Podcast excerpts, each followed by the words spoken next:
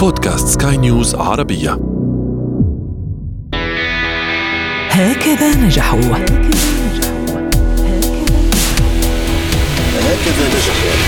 هكذا نجحوا. هكذا نجحوا أطيب تحيات المتجددة لكم مستمعينا ومتابعينا عبر أثير ومنصات بودكاست سكاي نيوز عربية.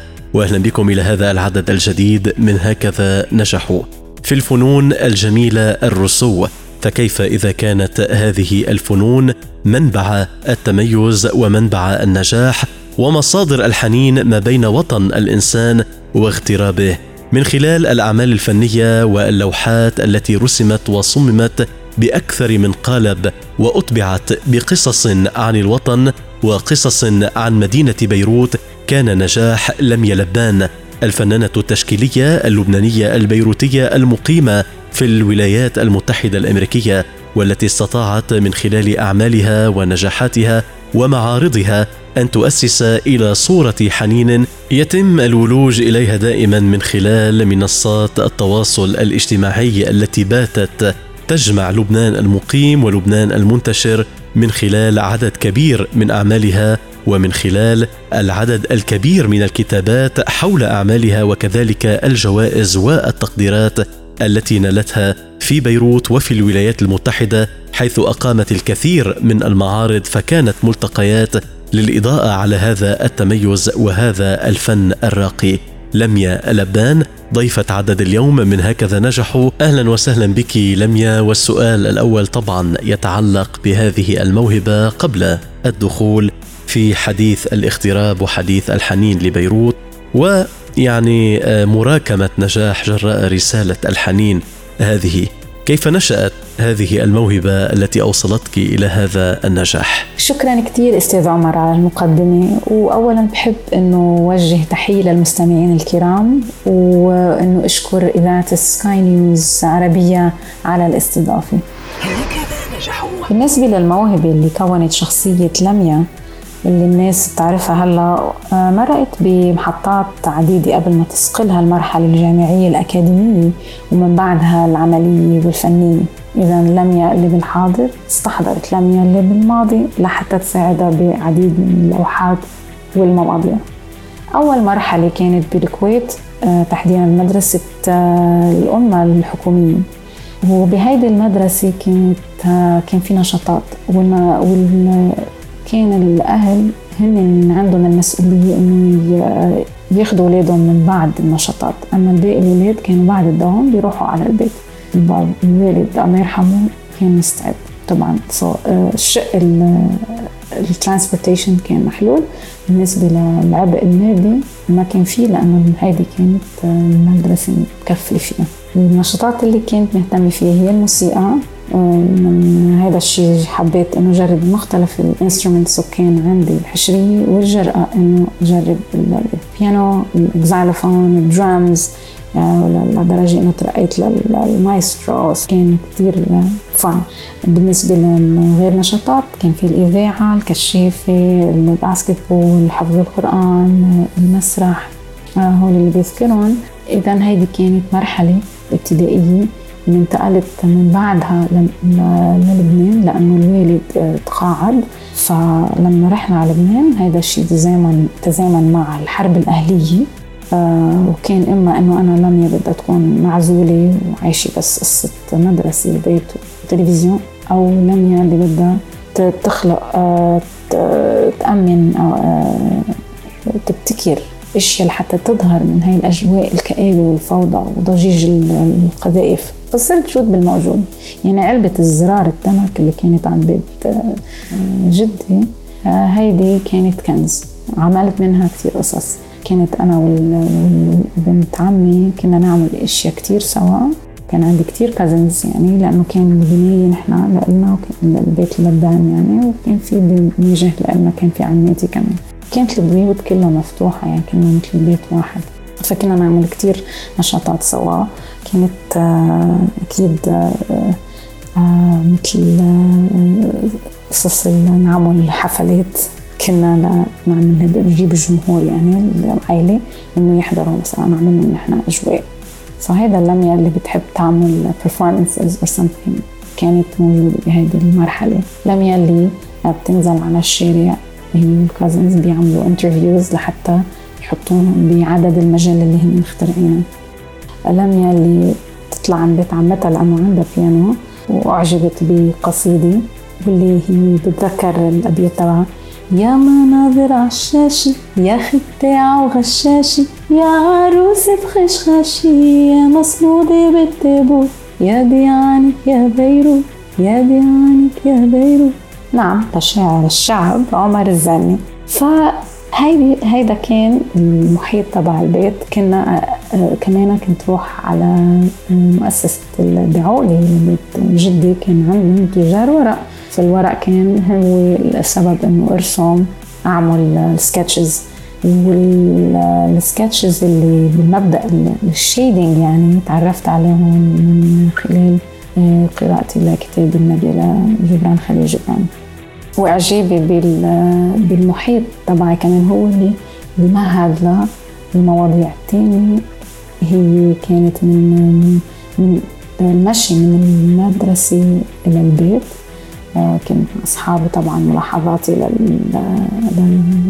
للمحيط يعني من الاركيتكتشر وأنا مغرمة بالمباني والأشياء القديمة يعني. فكان وهلأ بلاحظ إنه مباني تراثية ضحية من ضحايا الحرب والإهمال وللأسف.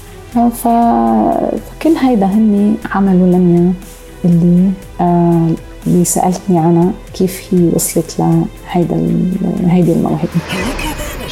إلى أي حد اليوم أنت سعيدة بأنك من خلال هذه الأعمال يعني تجمعين لبنان المقيم والمنتشر من خلال تعليقات من خلال ربما عشرات المقالات التي كتبت عن هذه الأعمال ومن خلال على الأقل حضورها يعني حضور هذه الأعمال وتميزها وجماليتها في ال social media في منصات التواصل والكثير اليوم يعني من الجمعيات المحافظة على التراث. الأعمال بمعظم الأوقات عم بتحاكي اللبناني المقيم والمنتشر وعم بتحرك الإحساس بالحنين لماضي مشرف وجميل.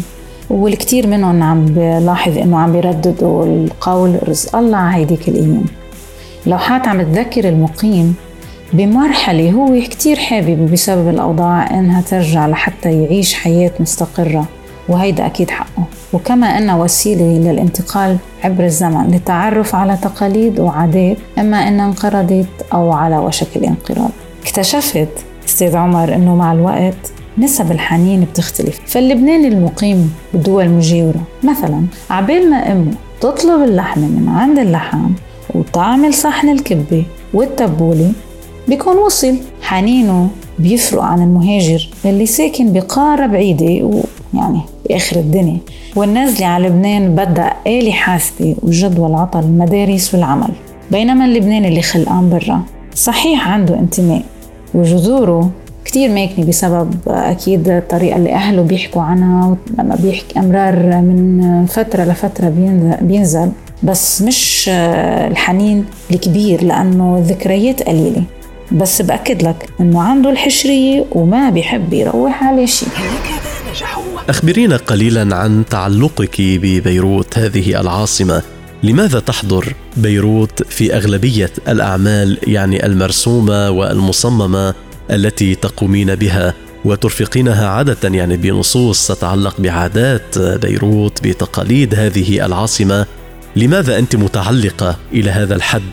يعني ببيروت حتى يعني جاءت غالبة على كل أعمالك. ليش متعلقة ببيروت؟ ببساطة لأنها هي مدينتي ومدينة أهلي وجدودي. وبسبب الحرب كان التجول مثل ما بتعرف غير مستحب. فتعلقت فيها أكثر لأن الملجأ ذكرياتي مع قرايبيني وأصدقاء المدرسة الجامعة والعمل كتيرة ما بتخلص. فمن الطبيعي إنها تتفوق على كل المواضيع التانية. كل ما جرب أشرد عن الموضوع بشوف صورة للمرحوم والدي. بسمع أخبار بيروت. برن تليفون من الماما. بلاقي message من عمتي. فيديو من عمي. عن بيروت. أكيد. لحالها رح تتحرك الريشة. وأزمة الكورونا لها فضل كتير كبير. هيدي الزربة خلتني إنه أركز على هذا الموضوع. هيدي أول مرة بيروت بتكون متواجدة والسبب هو الإحساس بالحاجة للتواصل مع العالم الخارجي. فاستعنت بوسائل التواصل الاجتماعي. حسيت بهالمرحلة إني أنا بحاجة إني أتعمق بقصص بيروت اللي سمعتها من أهلي وقرايبيني وصرت تلفن كتير هيك يعني صرت أقرب من الناس اللي زمان ما تواصلت معهم. إحساس بالمسؤولية للحفاظ على عليها بما ملكت مهاراتي ومخيلتي وألواني من من وسائل جنتهم لإلها. كتير صعب إني أشوفها عم تتألم وعم تتشوه. هذا الإحساس بالمسؤولية تجيه للجيل الجديد لحتى ما يفكر إنه اللي عم بيشوفه هيدا إنه هيدا وضع طبيعي. هيدا مش وضع طبيعي. تفاعل الناس اللي بتغار عليها كتير حلو. روحهم أشد ما تكون تعطش إلى لقاء لوحات تكون فيها بيروت متواجدة كمدينة جميلة. مدينة الحب والعشق والفرح والموسيقى والسهر والذكريات والقصص اللي بتكون فيها آه، جمعات وفيها تراث. هيك بشوف بيروت. هيك بشوفها عروس زاهية معارض طبعا كثيرة قمت بها في الولايات المتحدة جمعت اللبنانيين. كيف كانت أصداؤها لميا يعني عندما كان يتحلق اللبنانيون أو الأجانب ربما حول هذه الأعمال المميزة التي توثق مدينة توثق حديث شعب توثق ربما موروثات ماذا كانوا آه، يقولون؟ وإلى أي حد كنت فخورة بذلك؟ أول معرض نظمته من بعد الهجرة كان بكندا البلد اللي عشت فيها مدة تسع سنين واللي إلها الفضل لأنها بلد احترمتني كإنسانة حقوقي محفوظة ومتساوية. بغض النظر عن كل الأمور اللي بلدي الأم لهالساعة مش معترفة فيها. ولهيدا السبب أنا وكتير غير من المغتربين تركوها. الناس برا بيقدروا الإبداع الابتكار القصص الحقيقية آه، الخيالية كل شي فيه حنين بيتعلقوا فيه بحبوه كتير. الصحافة الكيبيكية والعربية أشادت بهالمهاجرة اللي دغري من بعد سنة نظمت معرض واللي كان نافذة بين بيروت ومونتريال. الناس بتعاطفوا دايما دغري مع اللوحات الحزينة وبيفرحوا مع اللوحات السعيدة لأنه هي رمز للأمل. على فكرة أستاذ عمر الناس اللي اختارت إنها تقتني لوحاتي هن مش لبنانيين وفي كتير ما بحياتهم زايرين لبيروت. بس ألوانها الزاهية جذبتهم والقصص سحرتهم وتعلقي فيها وتمسكي للحفاظ على تراثها خليهم يتعلقوا هني كمان. شكرا بيروت. ما هي رسالتك اليوم لميا لكل يعني آه الراغبين آه بإكمال هواياتهم المتعلقة بالفنون الجميلة. وكلنا نعرف أننا اليوم في عصر تسارع وفي عصر social media وفي عصر ربما بعيد عن الفنون آه الجميلة. لهذا الجيل المتمسك بموهبته أو للمصر على إكمال موهبته وتعزيزها تعزيز موهبة الفنون الجميلة ماذا تنصحينه اليوم؟ وماذا تقولين له؟ الفنون الجميلة هي وسيلة ذاتية للتعبير. Very subjective. ما بتقدر الآلة إنها تحل محل الفنان بالإبداع. التكنولوجيا آه، قدرت إنه تضيف مؤثرات ولكن آه، لابد إنه تكون للإنسان الخطوة الأولى. فهاللويا. آه، مش ما في وصفة محددة لاستمرار الفنان ونجاحه بس أكيد نصيحتي إنه يضل عم بيمارس الإبداع والإنتاج. ويستخدم كل الوسائل ويجند كل الطرق لحتى يوصل للفكرة اللي بده إياها. كمان بحس إنه لحتى يوصل ل... ليوصل لاستنتاج إنه الأسلوب اللي عم يستخدمه هو الأسلوب الأفضل لإله. هذا الشيء أنا ما بآمن فيه. بفضل إنه يضلوا لآخر آه، يوم بعمره يعني عم بيجرب إشياء جديدة وعم بي طبعا دايما حتكون شخصيته والتاتش تبعيته موجودة بس انه يستمر بالتجربة. هيدي نصيحة كتير مهمة لأنه في كتير فنانين بيوقعوا بفخ التكرار لأنه بينبهروا بالمجاملات.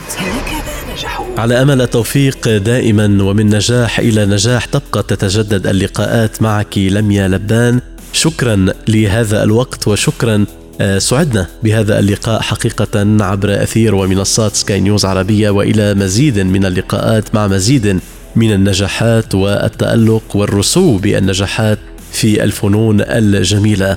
والشكر طبعا موصول لكم مستمعين لمتابعتنا في هذا العدد. من هكذا نجحوا وشكري موصول للزميل المخرج غسان أبو مريم. مواعيدنا ستبقى تتجدد على متن النجاح. تحياتي لكم عمر النخال. إلى اللقاء. هكذا نجحوا. هكذا نجحوا. هكذا نجحوا.